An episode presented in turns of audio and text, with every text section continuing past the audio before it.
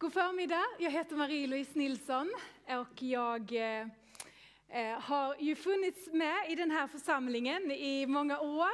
Eh, jobbar som präst i EFS och eh, är just nu i Östersund och lever där och har, leder en missionell gemenskap i Östersund där vi försöker nå de som ingen annan når och göra lärjungar utav de som ingen annan når, som gör lärjungar och som gör lärjungar som gör lärjungar.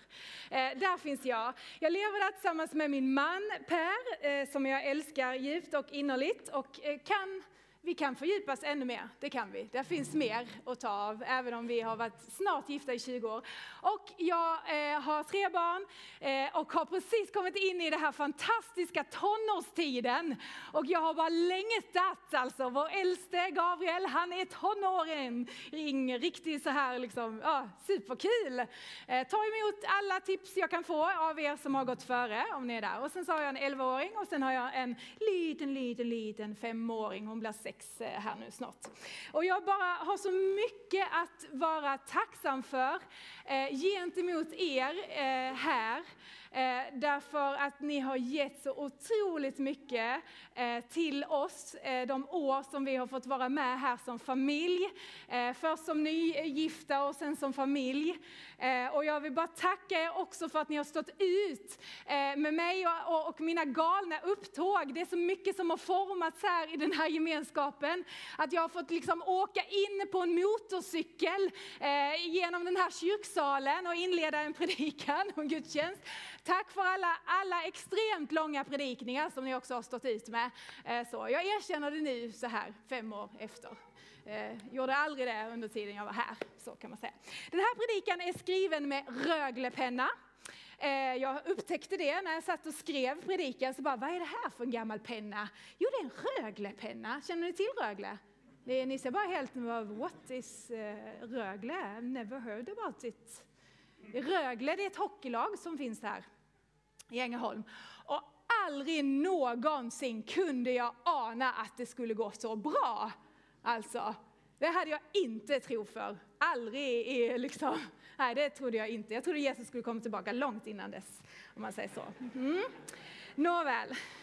Nu så har jag stora glädjen att få inleda den här fantastiska temaserien som ni går in i nu med att Jesus är.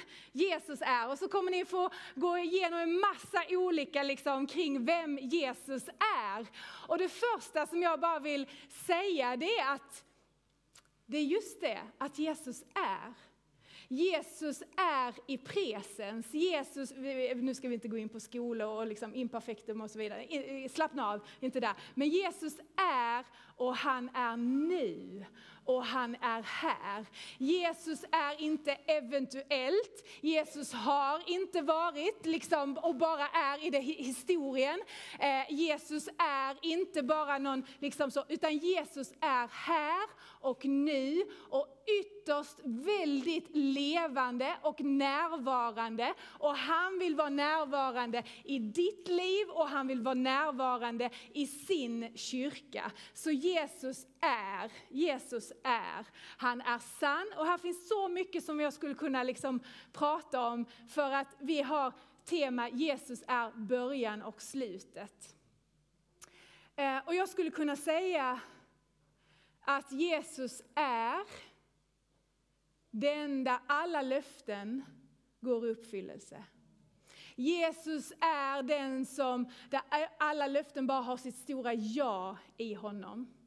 Jag skulle kunna prata om att Jesus han är början utav skapelsen. Jag skulle kunna prata om att i begynnelsen, i begynnelsen så var ordet. Och vem ordet var, det var Jesus Kristus. Så Jesus han är början på allting. Jesus är början vid skapelsen. Jesus är med i skapelsen. Jag skulle kunna prata om att Jesus han är början och slutet, att han startar igång allting och att han en dag ska komma tillbaka. Jag skulle kunna eh, prata om att Jesus han är början på den här fantastiska rörelsen som kallas för kyrkan. Eh, och det är inte en byggnad, det är inte någonting som vi ska bygga, utan kyrkan är en rörelse. Det är själva essensen av vad kyrkan är, nämligen att att gå ut och dela vidare evangeliet. Det som vi har fått som gåva ska vi ge vidare som gåva. För att vi har fått något helt fantastiskt. Jag skulle kunna prata om det. Jag skulle kunna prata om att Kristus redan före världens skapelse, som det står i Efesierbrevet 1, att han har utvalt oss i Kristus, i, det är ett jätte, i Kristus, för att stå inför honom heliggjorda. Det här är ett sånt, man går ju inte omkring på ICA och säger, ha, har ni något, kan man köpa heliggjordhet här? Eh, har ni något extrapris på det? Det gör man inte, det är inget ord vi använder. Men att vara heliggjord, det är att jag kan stå inför den levande guden som har skapat de här fantastiska Junia, nej Juni, Juni, ja, jättefin. Och Frank, han sover sig igenom predikan. Ja, det kan du också göra, det är okej. Okay. Frank har redan börjat. Mm. Att han har skapat, helt fantastiskt, de här, all, varje människa. Men att inför den levande guden så behöver vi inte stå med skam. Utan vi kan få stå heliggjorda. Inte på grund av att vi har levt ett perfekt liv.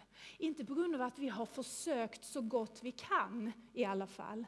Utan på grund av att Guds son en gång för 2000 år sedan blev människa antog en tjänares gestalt, la av sig himlens härlighet, allting och blev som en människa, som du och jag. Och när han till det yttre hade blivit människa så ödmjukade han sig så mycket så att han blev upphängd på ett kors och bar all din brottning, all din synd, all din mörker, all din skam bar han i sin egen kropp.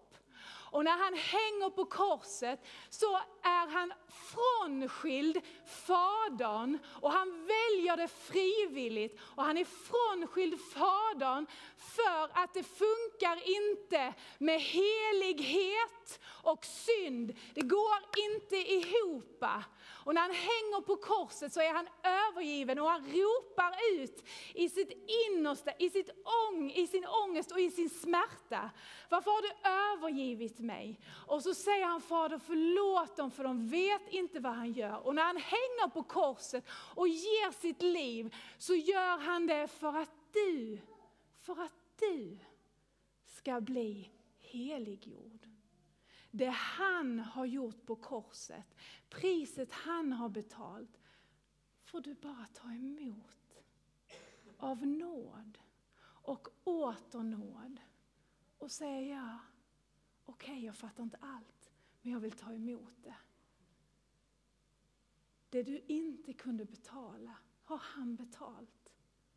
Och därför, eftersom han inte hade någon synd i sig, eftersom han levde det liv som du och jag egentligen skulle ha levt. Eftersom han var värdig att faktiskt ge det här offret och betala, så får du tillräkna dig.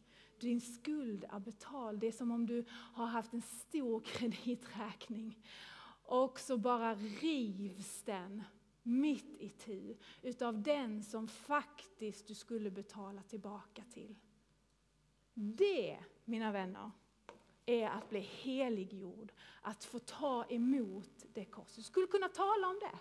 Jag skulle kunna tala om, om det. Jag skulle kunna tala om att han har fattat beslut redan från början att faktiskt kalla på dig. Att han har fattat beslut redan från början att ge sin egen son. Jag skulle kunna tala om att han är den första, den förstfödde som har uppstått ifrån de döda. Att han är den första, att han är början på uppståndelsen. Och att han överallt kommer att bli den främste. Jag skulle kunna prata om det.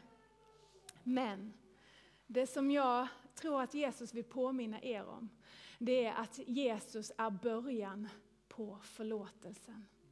Han är början på förlåtelsen, han är slutet på din skam. Han är början på ditt liv och han är slutet på din död.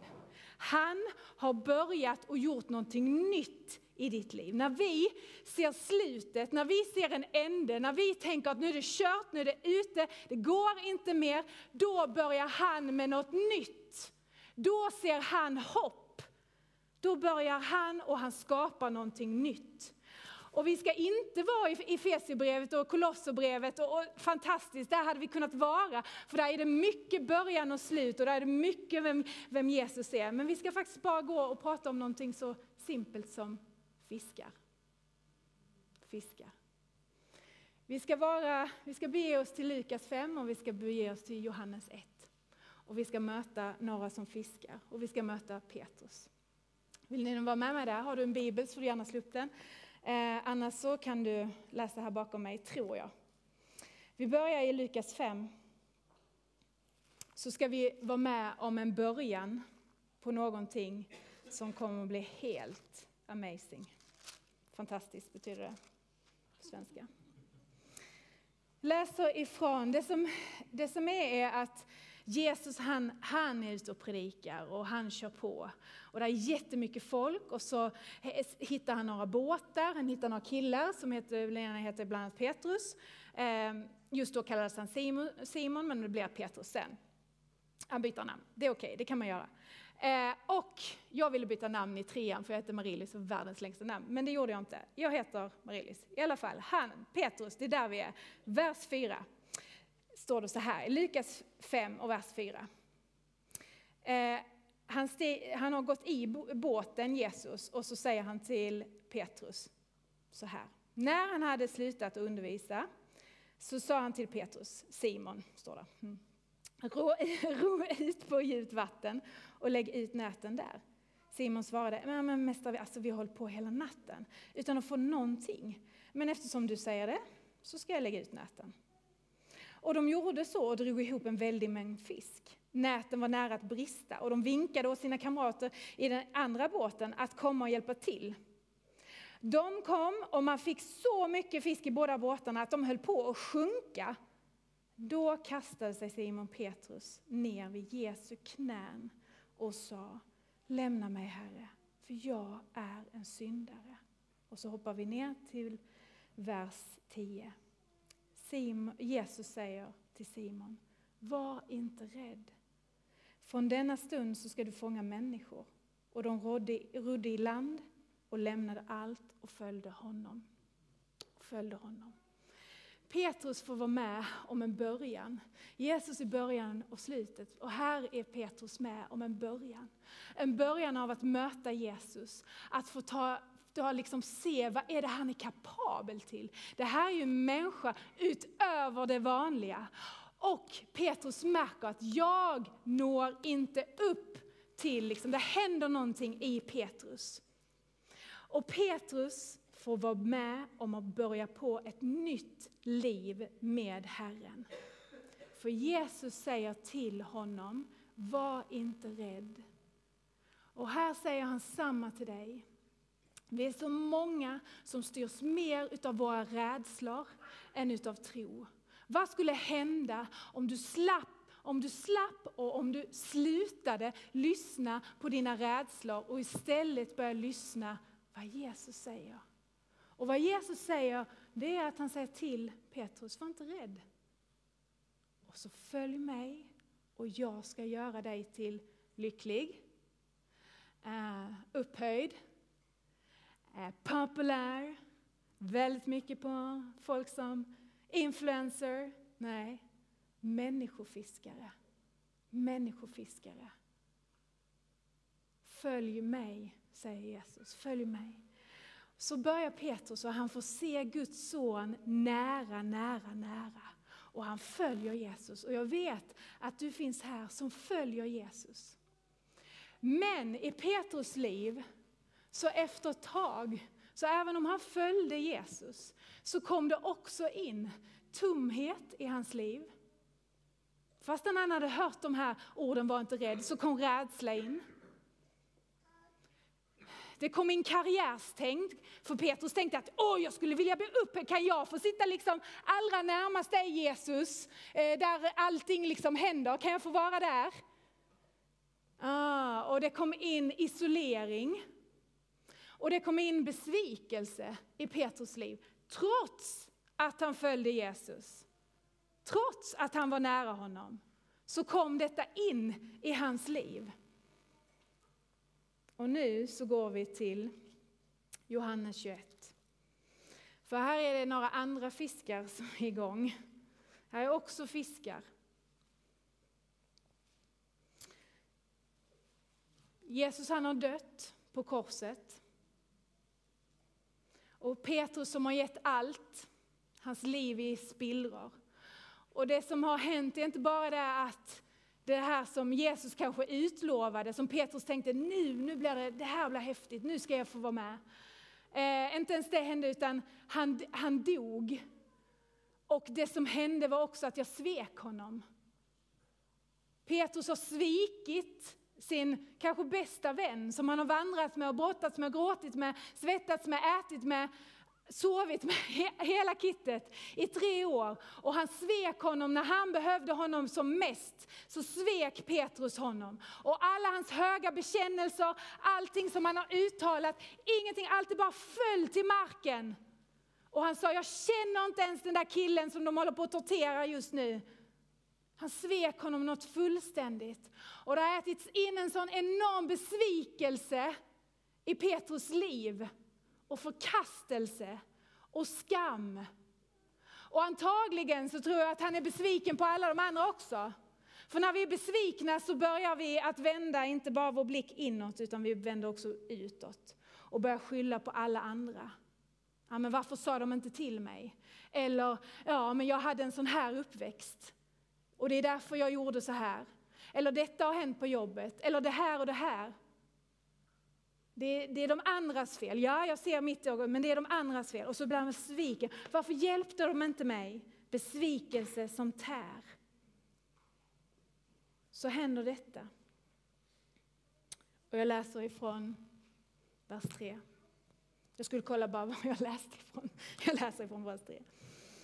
Simon Petrus sa till de andra, jag ger mig ut och fiskar. Och de sa, okej okay, vi följer med dig. De gick ut och steg i båten och den natten fick de ingenting. När morgonen kom stod Jesus på stranden, men lärjungarna förstod inte det, att det var han. Och Jesus frågade mina barn, har ni ingen fisk? Och de sa nej. Och han sa, men kasta ut nätet på högra sidan av båten så får ni. De kastade ut nätet och nu orkar de inte dra in eh, det för all fisken. Och den lärjunge som Jesus älskade sa då till Petrus, det är Herren.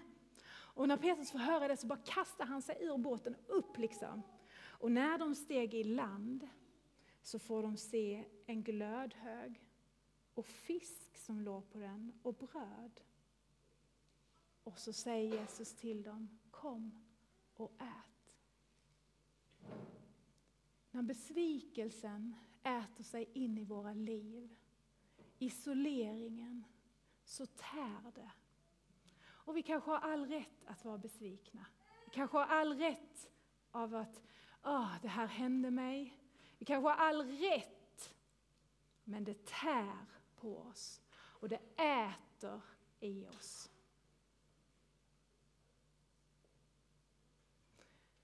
Kan ni se det framför er? Jesus han kommer inte till Petrus och låtsas som om ingenting hade hänt. Jesus han kommer till Petrus och vill upprätta relationen. Och fastän det hade funnits jättemycket att anklaga Petrus för, så är det inte det Jesus gör. Utan han dukar upp en, vadå? En måltid för Petrus. Kan ni se det framför er? Stranden. Det är kallt. Där är en eld. Det är värme. Det sprakar från elden. Och du är hungrig. Du har inte fått någonting. Och så doftar det, inte skam, inte skuld, utan det doftar bröd. Nybakt bröd. Och nygrillat.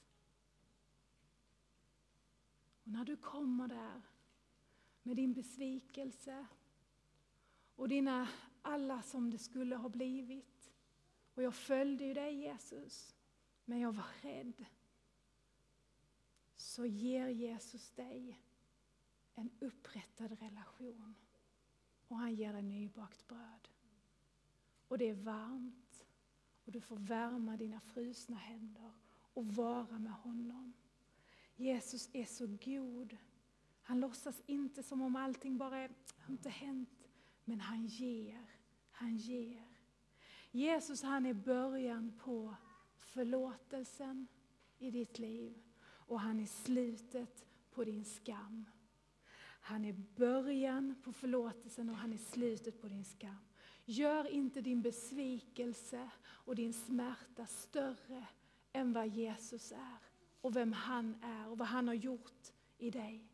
Vi kan leva som om uppståndelsen inte har hänt.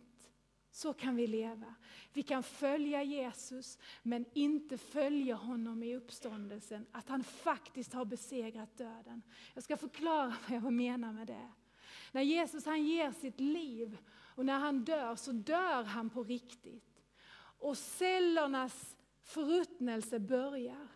Men så kommer uppståndelsekraften och cellernas liv, det vänds, förruttnelsen vänds och han blir till liv igen. Han besegrar döden. Så många utav oss lever våra liv bundna Bundna i det förgångna, bundna i vad som kunde ha blivit, bundna i spruckna drömmar, bundna i, för, i besvikelse. Vi håller hellre fast vid det som är dött än att våga gå uppståndelsens liv som faktiskt kan göra ont. För det gör ont att bli krossad, det gör ont att han ska få börja och vända och vrida och göra till liv igen det som har stelnat och det som faktiskt är dött i oss. Det gör ont. Men du måste släppa och du måste släppa in honom. Vi har ägt två hus i våra liv. Eh, det ena huset var här i Ängelholm och det andra huset är i Undersåker. Eh, och eh, i, de, i det första huset här i gång så flyttade vi in, vi hade vår förstfödde, han var ett år eh, och vi flyttade in och vi hade, det var massa flyttlådor och vi hade många som hjälpte till. Eh, och jag vet att i början så försökte jag liksom, ja den flyttlådan ska dit och den och den. Plus att det var inte färdigt i huset när vi flyttade in så allting var tvunget in i källaren. Och efter ett tag, liksom, jag bara fattade efter fem minuter, ingen, det här är ingen kontroll på det här, det är bara in med allting. Liksom, så. Det var fullständigt kaos. Och så sa jag så här, ja men det här tar vi tag i sen sen. Mm. Och sen hade vi så jättekul i det här huset så att efter tre månader så blev jag gravid. Så kan det gå, man kan ha roligt, eh, skojigt så här. Det rekommenderas. Men, och eh, då mådde jag jätteilla så att det blev ingenting då heller alls överhuvudtaget som vi skulle ta tag i. De här lådorna de bara växte. Och så var man nere där ibland och bara rotade, ni vet så här, man bara, var är det någonstans? Och så rotar man ut och, och, bara, och slänger och så bara igen med dörren och så, och så. Och då var det ofta så här, när vi bjöd hem folk, jag vet inte hur ni gör, men när vi bjuder hem folk, när vi bjuder hem folk så brukar det ofta vara så att man slänger in tvätten någonstans i någon garderob, stänger igen, eh, tar och tvättar av lite snabbt på toaletten och något sånt, tänder ett doftljus, drar ner ljuset och sen så bara, ja, jo, så här fint har vi det alltid. Välkomna in. Här har vi det alltid fint och städat och, och sådär. Jo då, här är inget eh, så. Och så blev det ofta så här, ja, ni har renoverat, vad kul. Får vi kolla källaren? Vilket det blev den här reaktionen på oss.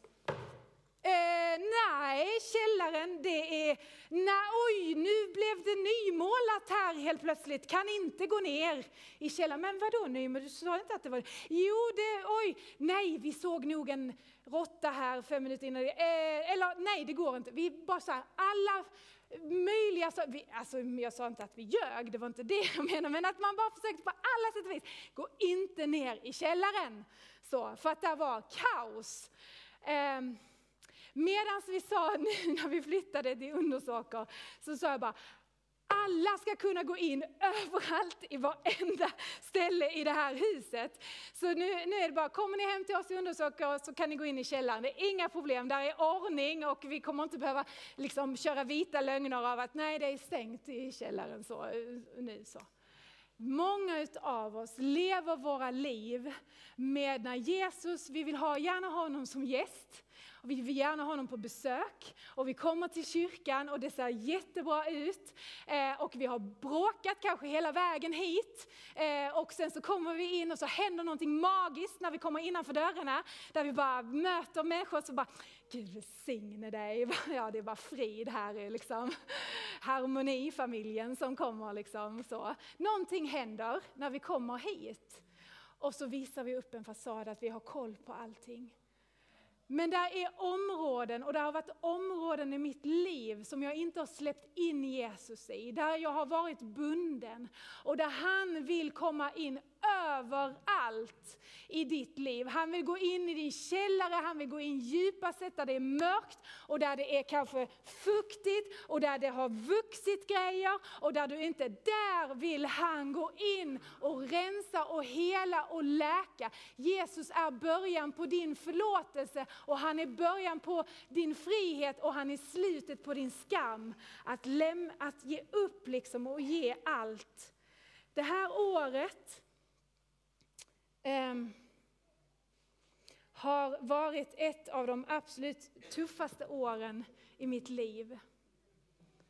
Eh, och jag, av respekt av människor som, jag kan komma tillbaka om tio år så kan jag berätta mer i detalj. Men där det har hänt saker som har gjort så fruktansvärt ont i mitt liv. Där det var någonting som hände mig och där det har varit många dagar utav tårar, utav kamp och utav mörker. Men jag bestämde mig när det hände, att jag, och jag sa till Jesus, inte ett skrymsle i den här kroppen Jesus vill jag hålla undan för dig. Ta mitt hjärta och gör det helt. Varenda bitter tanke, varenda tanke utav hembegär, eller varenda tanke utav besvikelse, varenda tanke utav smärta. Allt Jesus, ta det, ta det. Och jag vet att det fanns en som ville få bort mig ifrån min frimodighet, ifrån min glädje, ifrån mitt hopp och ifrån mitt mod. Men det som han tänkte för ont har Herren vänt till någonting som är gott. Därför att jag kan vittna om att det är möjligt att komma över bitterhet. Det är möjligt att komma över besvikelse. Det är möjligt att när du har fått ditt hjärta krossat så kan han göra det helt igen. Han är början på din förlåtelse och han är slutet på din bitterhet. Stanna inte och kom inte hit bara för att bli tröstad, bara för att bli överslätad. Utan kom hit för att faktiskt bli förvandlad och förändrad. Jesus, när du ser att nu är det en ände på detta, det går inte mer, så börjar han att skapa någonting nytt. Någonting nytt. Han är början på ditt liv. Han är början på någonting nytt idag som han vill göra i dig. Han vill att du ska vara till välsignelse för någon annan. Inte bara tänka på dig själv. När vi är fast i vår bitterhet, när vi är fast i vår besvikelse, så tänker vi mest på oss själva för vi, det gör så ont. Men han vill läka och han vill hela och han är början och han är slutet på din skam, på din synd, på din död, på din bitterhet. Han vill börja om, han vill göra någonting nytt. Han är slutet på din fördömelse och han är början på din frihet. Ni kan komma upp, ni som ska vara med i avslutningen på den här predikan. Det står så här i Kolosserbrevet. Jag vill bara läsa det.